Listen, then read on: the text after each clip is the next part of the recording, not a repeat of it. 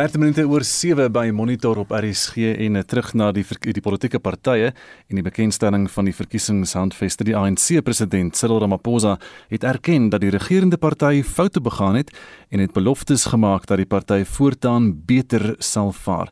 Hy het gisterand gepraat by die ANC se handves bekendstelling in die Tshwane Metro dis op Kerkplein in die middestad van Pretoria. Hy het beloftes gemaak van beter dienslewering, meer werksgeleenthede en die versterking van munisipaliteite. Estie de Klerk het meer besonderhede.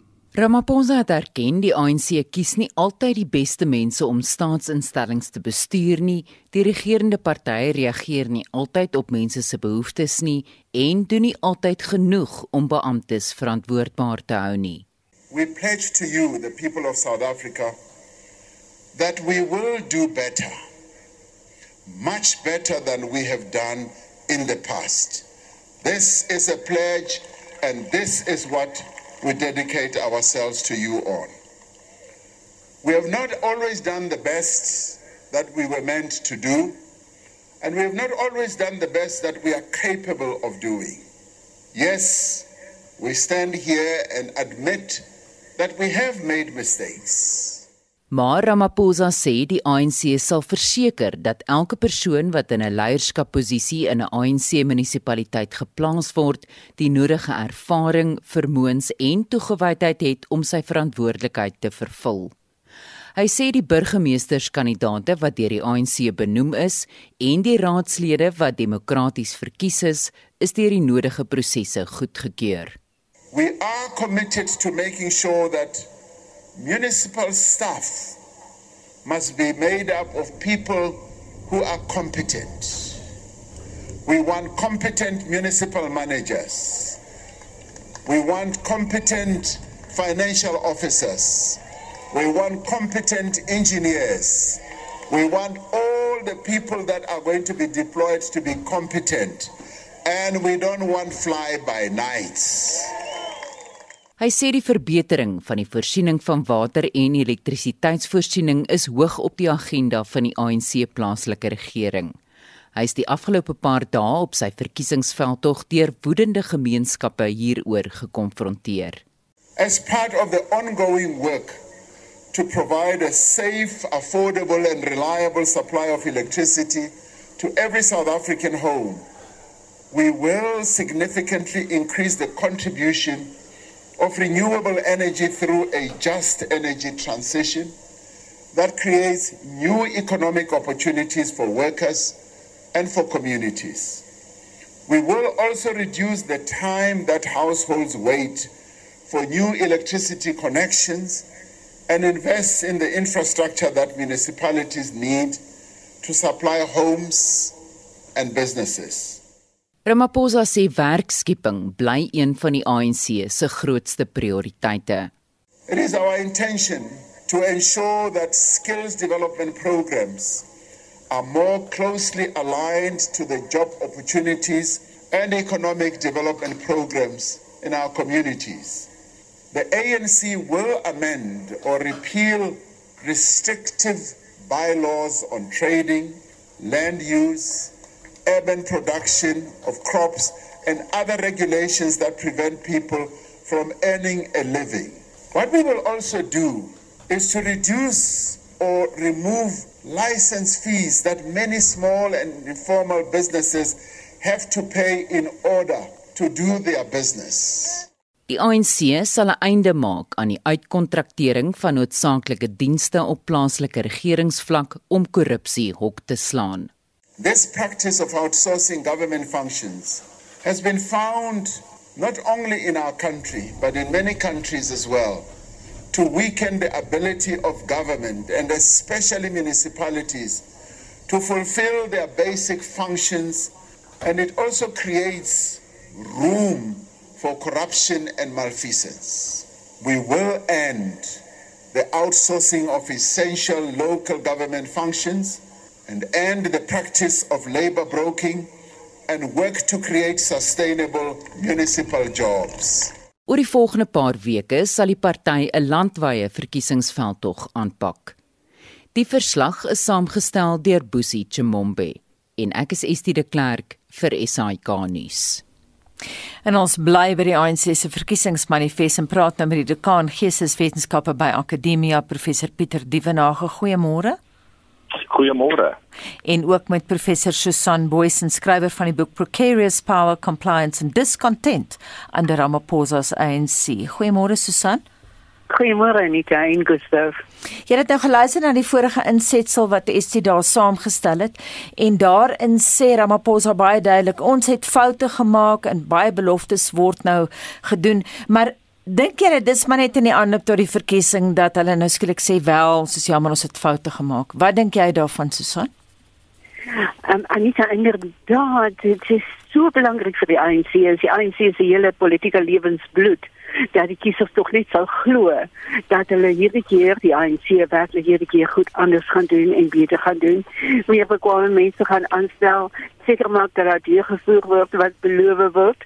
Dit is so moeilik vir 'n regerende party veral om sulke beloftes gestand te doen as die hele lewenservaring op gemeenskapsvlak vir die mense vir die kiesers wat moet gaan stem net nie teenoorgestelde is En hier hoop die ANC natuurlik dat die kiesers van Pretoria Tshwane direk aangespreek is deur hierdie en beloftes om goed beter te doen en dit wys dat die mense ook natuurlik ervaar dat onder die DA bewind, die koalisie bewind in die stad, het goed nie noodwendig beter gegaan nie. En dis op sulke tipe van kontradiksies wat die ANC hier staat maak en hierdie stad in in besonder Maar in die breë prentjie, daar is soveel wat die mense net aan um, blindelings sal moet glo as hulle president Ramaphosa in die ANC se beloftes on, of ondernemings soos wat Ramaphosa graag uitgespel het, uiteindelik gesien moet word as die kiesers wil glo goed kan werklik anders wees. Dit is interessant dat soveel ander gevestig word deur die ANC op die poging om te vernuwe en kies sou regtig moet glo dat dit die nuwe nuwe nuwe ANC is wat nou hier voor hulle staan en dat dit die derde keer is wat aandag regtig aan hierdie sake op plaaslike vlak gegee kan word en dat dit die stem wat die kiesers gaan uitbring is sou wees vir 'n stelsel wat kan werk is met moontlik vir 'n stelsel wat werklik geval het waar munisipaliteite so groot oorweldigende proporsie van munisipaliteite eenvoudig nie hulle werk kan doen nie, nie die inkomste basis het om hulle werk te kan doen nie. En dit is een van die groot kontradiksies waarmee die kiesers moet saamlewe, dat hulle sal aanstem, baie van hulle sal stem en die hoop afwagting dat goed beter sal gaan, maar die regering sal vir gestem word werklik net nie werk nie ongeag van of nuwe raadslede ontplooi word of nie. Pieter, jou opinie daaroor hierdie eerlikheid oor die ANC se substandaard vertoning en in swak leiers, um, dink jy hierdie nederigheid eh, van die president is 'n verkiesingstaktiek? Ja, ek dink uh, Gustaf dit is beslis ehm um, kyk president Ramaphosa is 'n uh, is 'n baie goeie retorikus, nê. Nee, hy's 'n hy's eintlik 'n briljante spreker. En uh, ek stem saam dat ehm um, daar was ten minste die erkenning dat dat dit nie goed gaan uh met die ANC nie en dat hulle ook foute gemaak het maar dan was daar nou weer die beloftes uh wat na vore getree het. En uh die groot vraag is net um, of hierdie beloftes nog by die kiesers enigsins indruk gaan maak. Dit is die groot vraag. Um, ek dink in die metro's gaan dit moeiliker wees dalk op die platteland en uh, in in diep uh uh jy weet diep uh gebiede uh, weg van die stad af kan die ANC dalk nog steeds baie goed doen. Maar ek wil net een ander punt maak, soort van aanvullend Gustaf. Hmm. Ehm mm. um, en dit is dat jy weet ek stel altyd belang in die simboliese politiek. Uh, ek het ook vroeër uh, van jare het ons gepraat oor Biden en die Republikeine en hulle simboliese politiek en ek het gisteraand baie fyn gekyk. Kom ons noem dit maar die ritueel van die ANC, nê, op Kerkplein, ehm um, Nou daar was nou nie so baie mense wat daar kon wees nie. Hulle het die protokolle baie mooi nagekom en dit is natuurlik vir die ANC moeilik want soos die EFF is die ANC by uitstek 'n populistiese party. Die mense moet daar wees, hulle moet mekaar aanvuur en so aan. Maar die uitstaande punt vir my is net hier en en ek sal daarby stop vir die oomblik dat die ANC is eintlik 'n revolusionêre vryheidsbeweging. Uh jy kan dit ook in sy rituele sien gisteraand maar wat nou 'n moderne politieke party moet wees, ehm um, in 'n in 'n redelik gesofistikeerde middelinkomste land wat hulle met professioneel bestuur. En ek dink dit is vir my die kern van die saak dat uh, die ANC in 'n sekere sin na 'n plaaslike verkiesing toe kom. Hulle het hierdie handves, maar in 'n sekere sin is die is die klem wat die ANC wil hê 'n sentralistiese soort van bestuur van die plaaslike regering. So dit was my 'n bietjie iets ambivalent of die ANC wil met, met al die die beloftes is eintlik sentralistiese beloftes. Net die staat doen dit vir jou. Die staat sal die mense op die grondvlak help. Maar aan die ander kant is hierdie 'n plaaslike bestuur waar mense wil sien dat hulle verteenwoordigers op die op die grond vir hulle kan opstaan en 'n suksesvolle stad of omgewing skep. Susanne Seidling se klap is uitgedeel aan die ANC. Die SAKP se eerste adjunksekretaris-generaal Solima Paila sê die ANC moet sy beloftes nou aan die kiesers nakom en nie wag vir ingryping deur die sake sektor nie. Dit jou verbaas?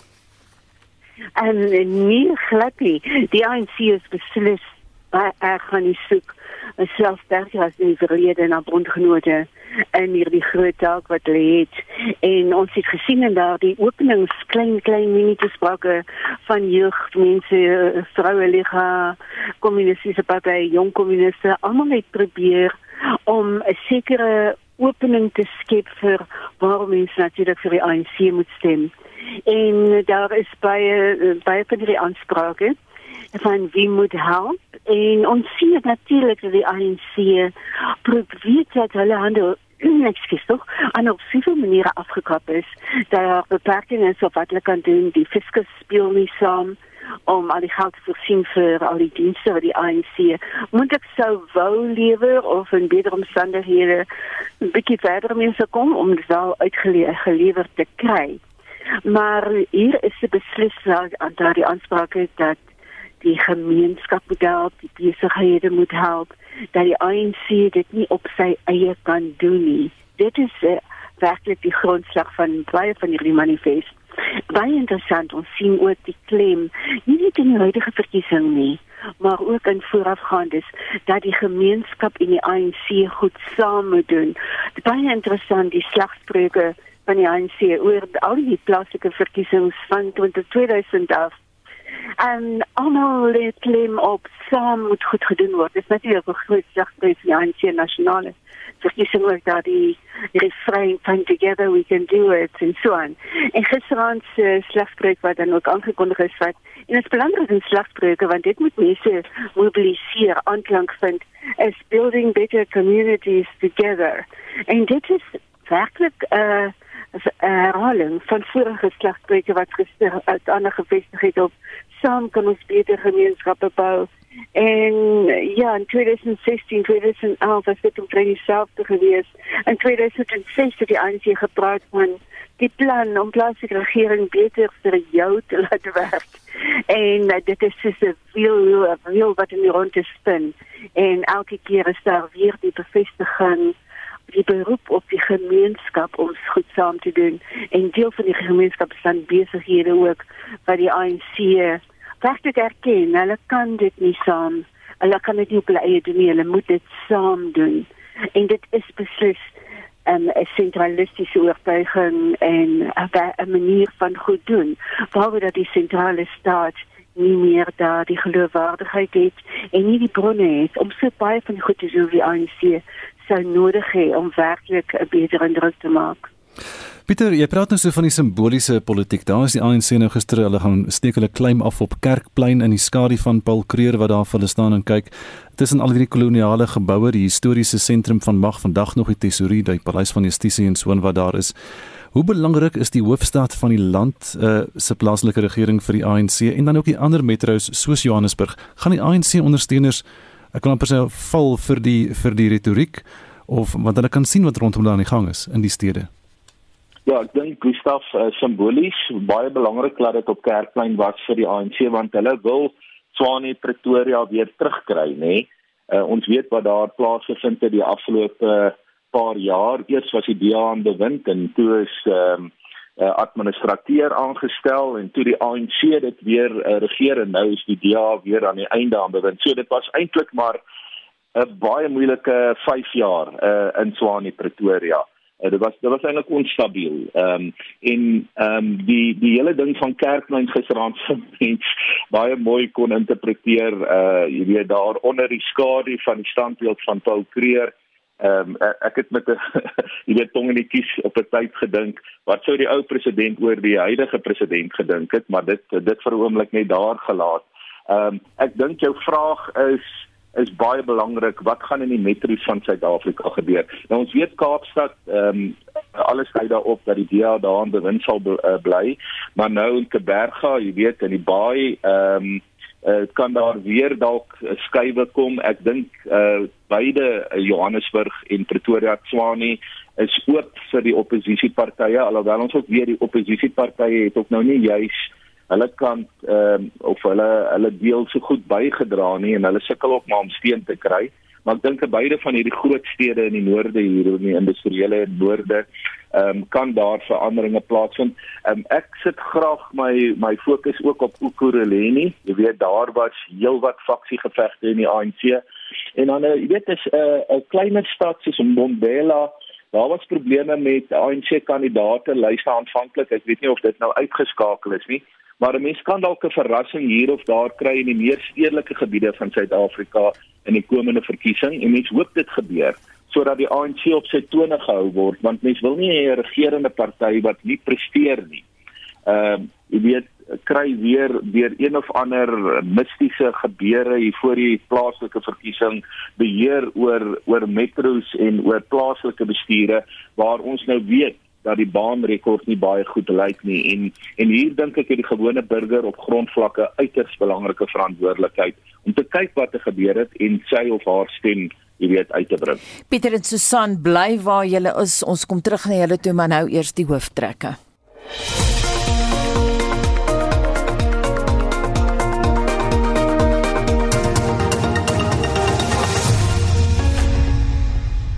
Kyk nou terug na professor Pieter Devenage en professor Susan Boyce en ons praat oor die ANC se verkiesingsmanifest. Susan, jy het die boek geskryf Precarious Power Compliance and Discontent under Ramaphosa's ANC. Jy gebruik spesifiek die woord precarious. Hoe lank dink jy gaan hulle nog aan bewind bly?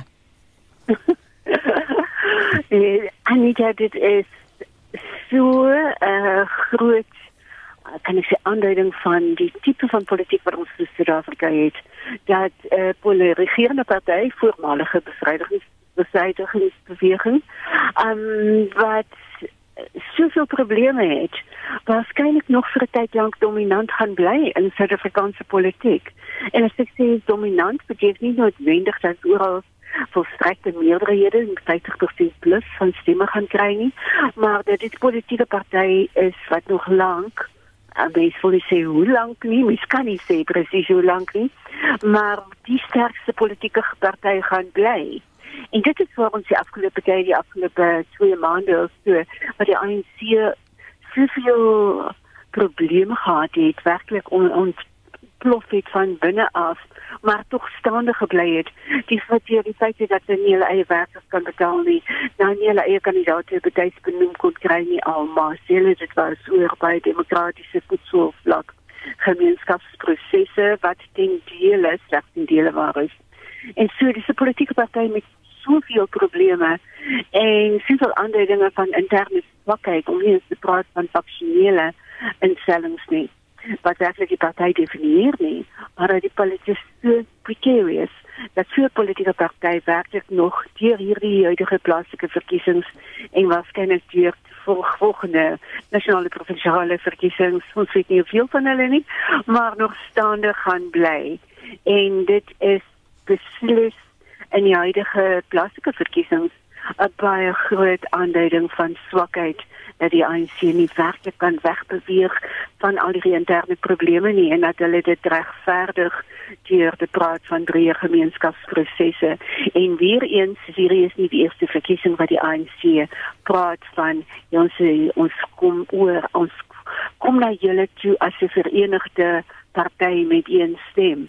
Ons weet natuurlik dat dit op uh, laer vlak binne die ANC, organisatoriese vlak, is eenvoudig net nie waar is nie, maar soveel lank af van die geloofwaardigheid en die gewilligheid, geloofwaardigheid van die party en die gewilligheid van kiesers en algemene ondersteuners van die party om daardie woorde te glo en seker opsigte blindelings te glo.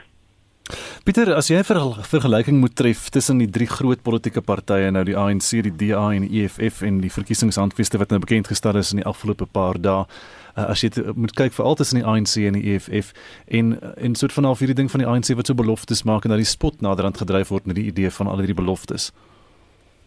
Ja, dis 'n interessante vraag. Ek dink ehm um, uh, as mens kyk na die drie groot partye, dan is dit tog vir my baie uh vreemd en en ek gaan dit nou sê na aanleiding van die Duitse uh, uh, verkiesing wat hmm. pas ook dopgehou die afgelope uh, week, jy weet, dat ons twee van hierdie partye is eintlik radikaal links, um, as mens mooi daaroor dink.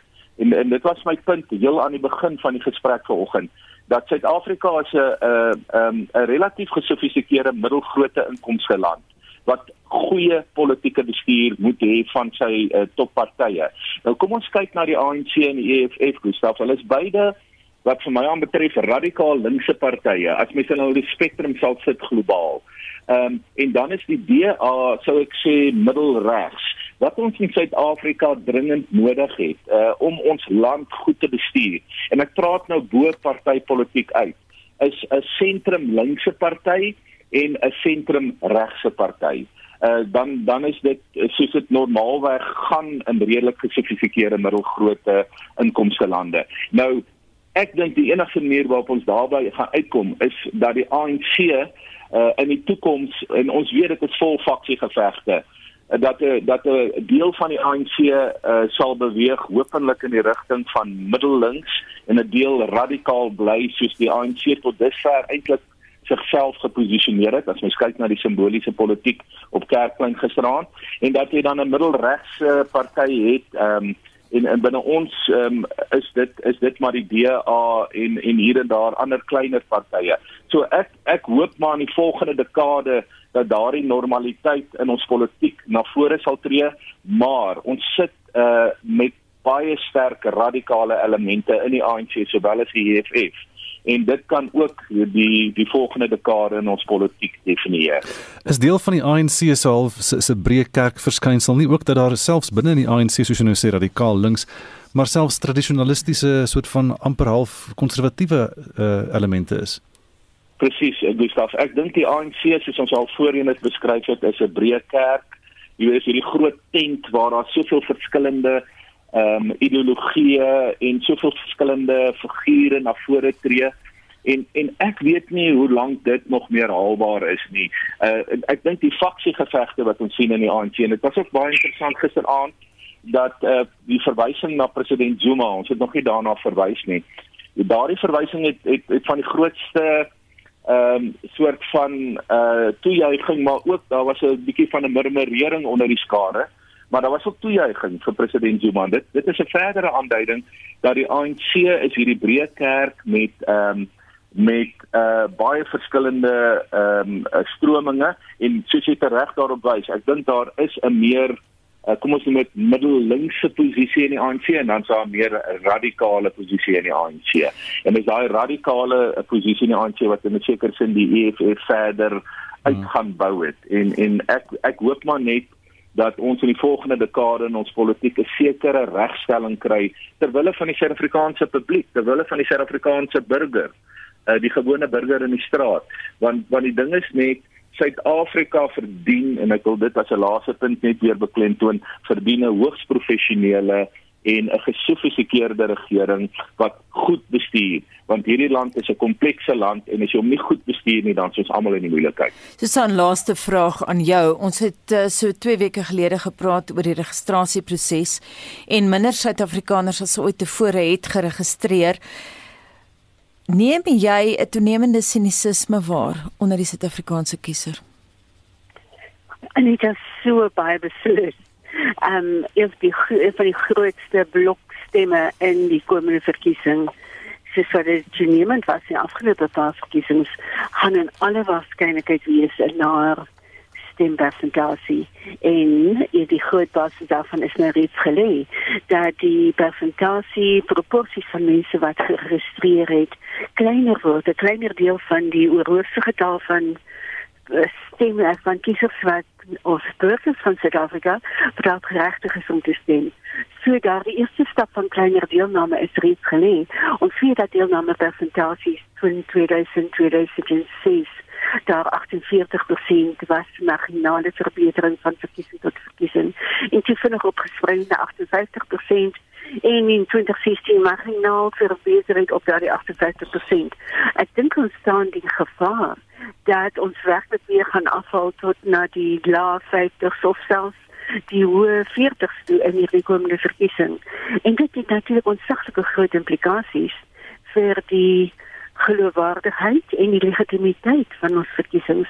As klein persentasie mense meen daar is enigstens iets om voor te stem in 'n verkiesing. En hier is die saak van die ANC en of die ANC vir gaan split in een of ander stadium afsienbare toekoms is van groot belang. Dit die ANC is op die punt dat hulle weet as daar verdere afsplitsings kom. Hulle nie meer daar die volstrekte meerderheid gaan hê nasionaal provinsiaal meeste van die provinsies nie. En dit maak dat daar die gom wat die ANC nou saamhou, die mense binne die tent hou, dat daar die gom baie baie sterk is, want hulle weet dat hulle mag gaan verloor as hulle verder gaan split. En dit is wat die ANC natuurlik so baie in so moeilike situasie sit, is dat hulle belangrik vind of vir die verskillende faksies, groeperinge, belange binne daardie party om saam te werk en saam te bly. Anders verloor hulle mag en dat dit is hulle hele die, die lewensbloed wat hulle daardie bestaan gee wat hulle by mekaar hou is daardie politieke mag en hulle weet dat hulle nie verder kan onderverdeel nie. Intussen bly hulle die grootste opsie vir mense om te stem, maar meer mense gaan eerder wegbly van die stembusse af alle aanduidinge lyk daarna in hierdie stadium as wat daar die mense gaan wegbeweeg na gevestigde of 'n paar van die nuwe hmm. kleine politieke partye of selfs na die onafhanklikes toe. Baie dankie Susie professor Susan Boysen skrywer van die boek Precarious Power Compliance and Discontent under Ramaphosa's ANC ons het ook gepraat met die dekaan geesteswetenskappe by Akademia professor Pieter Duvenage.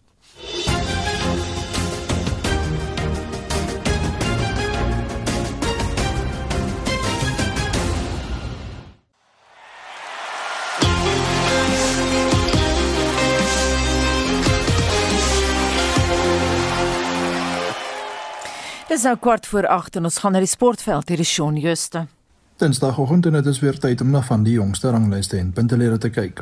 Nieu-Seeland het die rugby kampioenskapstitel oor die naweek ingepalm toe hulle Suid-Afrika in Townsville in Australië met 19-17 geklop het.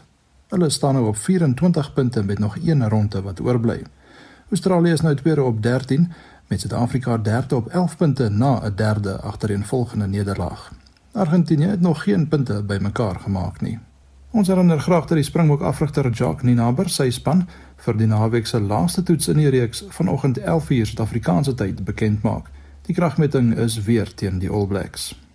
Nieu-Seeland is ook nommer 1 op wêreld rugby se jongste ranglys met Suid-Afrika tweede en Australië derde. Engeland is vierde en Ierland vyfde. Die Blitsbokke is die 2021 wêreld sewe kampioene nadat hulle die tweede en laaste been in Kanada gewen het. Hulle het Groot-Brittanje in die eindstryd met 24-12 uitoorlê. Die reeks het net uit die twee bene bestaan nadat die kalender weens die koronaviruspandemie verkort moes word. Spanne soos Australië, Fiji en Nieu-Seeland het nie deelgeneem nie. Die voorlopers op die Verenigde Rugby Kampioenskappe punteleer na die eerste ronde is Leinster en Munster van Ierland, die Lions van Suid-Afrika en die Cardiff Blues van Wallis, almal op 5 punte. Die Stormers is 12de, die Sharks 15de en die Bulls 16de. Leinster, Cardiff, Edinburgh en die Lions is die groep voorlopers. Cricket. Na 10 rondes in die 2021 IPL reeks is die Chennai Super Kings en Delhi Capitals die voorlopers op 16 punte elk. Die Royal Challengers Bangalore is derde op 12 en die Kolkata Knight Riders vierde op 8 punte. In die plaaslike KSA T20 uitkloptoernooi het die suidwestelike distrikte in die Weselike provinsie na die kwart eindronde deurgedring danksy 'n beter loopie tempo. Hulle het op 8 punte saam met die Lions geëindig. Die groep B wedstryde begin vandag. Die Knights, Titans en Mpumalanga Rhinos en Tuskers pak mekaar oor die volgende 3 dae in Bloemfontein vir hulle plek in die kwartfinale. Sokker. Mamelodi Sundowns bou hulle voorsprong in die DStv Premier Liga en staan op 13 punte na 5 rondes. SuperSport United en Stellenbosch FC is tweede op 11 en Royal AM vierde op 9 punte. Die top 4 spanne in Engeland na 5 rondes is Liverpool op 14 en Manchester City, Chelsea en Manchester United op 13 punte. In die tenniswêreld bekleë Novak Djokovic van Servië, Daniel Medvedev van Rusland en Stefanos Tsitsipas van Griekeland die top 3 plekke op die jongste mansranglys. Suid-Afrika se Lloyd Harris is 32ste en Kevin Anderson 69ste. Die top 3 vroue spelers is Ashley Barty van Australië, Aryna Sabalenka van Belarus en Karolina Pliskova van die Tsjechiese Republiek. Suid-Afrika se Ryan Klassen is ook 24ste op die mans dubbelspel ranglys. Motorsport. Die Brit Lewis Hamilton het die eerste renjaer in Formule 1 geskiedenis geword om 100 oorwinnings te behaal en het ook die voortou op die punteleer teruggeneem. Hy staan nou op 246,5 punte na die naweek se Russiese Grand Prix. Max Verstappen van Nederland is egter net 2 punte agter hom met Valtteri Bottas van Finland derde op 151 punte. Op die vervaardigerspunteleer het Mercedes 397,5 punte, Red Bull 364,5 en McLaren 234 punte. Golf. Verlede week se top 3 manspelers, Gonram van Spanje en die twee Amerikaners Dustin Johnson en Collin Morikawa bly onveranderd. So ook die top 3 Suid-Afrikaners. Hulle is Louis Oosthuizen 8ste, Christian Besaidnout 40ste en Gary Kigo 49ste. En laastens in fietsrennies, Stadej Pogačar van Slovenië is nommer 1 op die wêreldranglys met die Belg Wout van Aert tweede en Primož Roglič ook van Slovenië derde. Suid-Afrika se Ryan Gibbons is 72ste terwyl Ashley Moolman-Pasio 14de onder die vroue is. Shaun Schuster, RSG Sport. Dis nou 11 minute voor 8 en tyd vir internasionale nuusgebeure. Paniek heers steeds daar in Brittanje oor die verwagte brandstoftekort weens 'n kritieke tekort aan vragmotorbestuurders. En dis die storie waarmee Heinrich Weingart vanoggend ons opsomming van wêreldnuus begin. Môre Heinrich. Gustav, goeiemôre. So erg is die situasie daar dat die Britse weermag nou tot 150 militêre tankdrywers oplei om indien nodig die probleem van lang rye motoriste by vulstasies en ook die sluiting van vulstasies te help hanteer. 'n Tekort van meer as 100 000 trokdrywers word in die Verenigde Koninkryk ervaar. Mense het nou begin met paniekaankope van brandstof en hier vertel 'n inwoner, Carol Curry, wat haar man by 'n hospitaal afspraak moes kry oor haar ervaring. I don't know what I'm going to do. I mean, it is moving. You will get there. Well, I hope so before I run out. I blame the media, and I'm sorry to say that because if if nobody said about this and the lorry drivers and everything, then this panic wouldn't have started. I had a full tank when I left home on Friday. I've got to get home. I've got to. Nou selfs die Londense ambulansdienste is hierdeur geraak soos wat 'n ambulansman ene Greg hier vertel. I had zero tank. I was on my reserve. The light was on. It was getting chaotic. My my uh, my heart my heart rate was going through the sky because every petrol station I went to, I went to Asda, no petrol, and I come to Brent Cross, joined the length queue. Lo and behold, guys, I managed to fill my tank. I'm a key worker, an ambulance driver for London Ambulance Service. Uit Amerika word berig dat die 13 jaar lange hofgeding van beweerde seksuele misdrywe deur die superster R Kelly nou uiteindelik tot 'n einde gekom het en dit met 'n skuldigbevinding. So Kelly wat verskeie groot treffers Kelly wat verskeie groot treffers oor die jare geskryf en gesing het soos I believe I can fly kan nou die res van sy lewe agter tralies sit wanneer vondersoplegging op 4 Mei aanstaande jaar plaasvind. Dit nadat hy skuldig bevind is daaraan dat hy sy superster status uitgebuit het om vroue en jong meisies oor twee dekades lank seksueel te mishandel. Kom ons luister nou na Gloria Al Alred wat verskeie van die slagoffers verteenwoordig het. Of all the predators that I have pursued, Mr. Kelly is the worst for many reasons. First, he used the power of his celebrity to recruit vulnerable underage girls for the purpose of sexually abusing them. These were crimes against children and some adults. Second, to use the power of his business enterprise and many of his inner circle employees to assist him and enable him in his plan. COVID-nuus uit Uganda gaan oor 'n studie wat plaaslike wetenskaplikes van die Makerere Universiteit daar gedoen het wat daarop dui dat inentings teen COVID-19 COVID-sterftes in die land aansienlik laat daal het. Daar is gedurende die navorsingsperiode Mei tot Julie vanjaar geen COVID-sterftes onder ingeënte mense aangemeld nie. Minder sterftes het ook onder deels ingeënte mense voorgekom. Hulle gebruik die AstraZeneca-enstof daarso. Die inligting is bekend gemaak in aanloop tot 'n verhoogde inentingsveldtog van sogenaamde prioriteit bevolkingsgroepe. Onderwysers en studente bo 18 word dan nou van maandag af enstowwe aangebied voor die gedeeltelike heropening van die onderwyssektor in November. Uganda het sedert die begin van die pandemie 3146 sterftes aangeteken. En dan het ons ook COVID nuus uit Amerika volgend. Die land se president Joe Biden het gister sy sogenaamde booster of versterkingsdosis van die Pfizer-enstof ontvang, nou dat landsburgers ouer as 65 jaar en diegene met onderliggende gesondheidsprobleme daarvoor kwalifiseer. Hier is Biden op 'n tong in die kies reaksie. Now, I know it doesn't look like it, but I am over 65. I wish I way over. And that's why I'm getting my booster shot today. Die Amerikaanse president het ook gesê terwyl sy land kan spog met die grootste inentingsprogram wêreldwyd, is hulle verbind daartoe om te verseker dat hulle deur byvoorbeeld die COVAX program enstofondersteuning aan ander lande bied sodat die grootste gedeelte van die wêreldbevolking ook ingeënt kan word. En wat is dan die storie van 'n afrigter wat vroue wil help om 'n man teen Kersfees te kry? Mm, dit handel oor die bedryf wat genoem word Love Coaching of liefdesafrigting wat dan 'n leidense berig van die BBC jaarliks groei veral onder vroue in hul 30s wat op soek is na 'n lewensmaat. Maar die berig sê ook soveel as wat die afrigters hul kliënte die maan en die sterre daarbo beloof, is daar nooit enige waarborg daarvoor nie. Robert Borale is 'n afrigter en sy raad aan vroue word aangehaal. Jy maak 'n fout om aan julle kerels reeds eggenoot voorregte te bied. en op daardie noot sluit ons vanoggend se wêreldnuus met Heinrich Weingart af.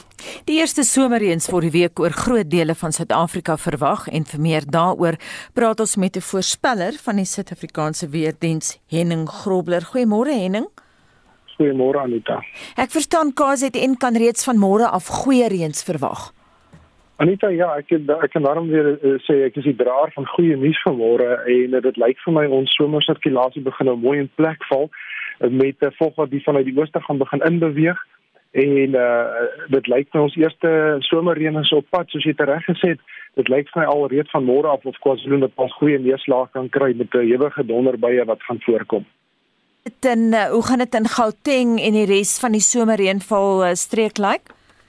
Wel dit ek moet sê dit lyk besonder goed, maar ons moet ook verstaan eh uh, uh, dit daar's 'n paar faktore wat bydra tot uh, hierdie toestande. Die eerste is ons kry ons vog wat nou van die noorde gaan instoot. Dit is baie droog op die oomblik, maar soos wat daai vog gaan instoot, uh, gaan die lig vogtig geraak, dan is die temperature uh goed hoog op die oomblik met temperature op die oomblik in die mid 30s so ons het 'n lekker sneller aksie as gevolg van die hoë temperature en dan het ons ook 'n bolig bolig uh op 'n boligtrof wat gaan deurbeweeg op 'n boligstelsel wat hierdie uh donderbuie gaan uh, aanhelp. So alles val mooi in plek. Nou as gevolg van alles wat mooi in plek val, uh verwag ons dat reeds môre Woensdag gaan ons begin goeie neerslag kry hier oor hoofsaaklik KwaZulu-Natal area en in die oostelike gedeelte van die Vrystaat. Nou dit is maar net as gevolg van die hoog wat dan rig hier langs die noord uh, langs die uh, ooskus en dan nie teen uh, donderdag se kant wanneer die volk van die noordwes van inbeweeg dan gaan hierdie uh, wydverspreide bye en donderbye uitbrei daar na die Vrystaat toe oor die grootste gedeelte van die uh, Noordwes provinsie. Uh, Gauteng gaan hulle eerste donderbye kry uh, en dan uh, gaan ons toe uitbrei daar na Limpopo toe en 'n bietjie in die Suid-Vrystaat.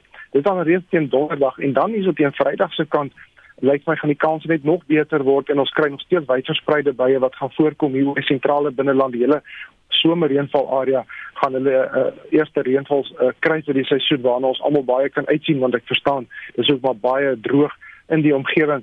En dan nog steeds teen Saterdag begin dinge effens opklaar maar dit bly hoofsaaklik nog steeds bewolk oor die grootste gedeelte van die somerreënvalgebied met nog steeds verspreide bye wat gaan voorkom hier oor die Vrystaat, KwaZulu-Natal uh Mpumalanga, Gauteng en uh oostelike gedeeltes van die Noordwes provinsie. Mm. So ja, daar is 'n verandering in die weer en dinge lyk baie goed en ons sien uit daarna en ons hoop ons kan sommer goeie neerslae kry. En ek wil nog 'n vraag ingooi oor die Noord-Kaap. Ons het nou vroeër gepraat oor die brande daar. Kan daai provinsie reën verwag? Ongelukkig nie Anita, dit lyk nie vir op die oomblik of die stelsel so ver weswaarts gaan trek nie.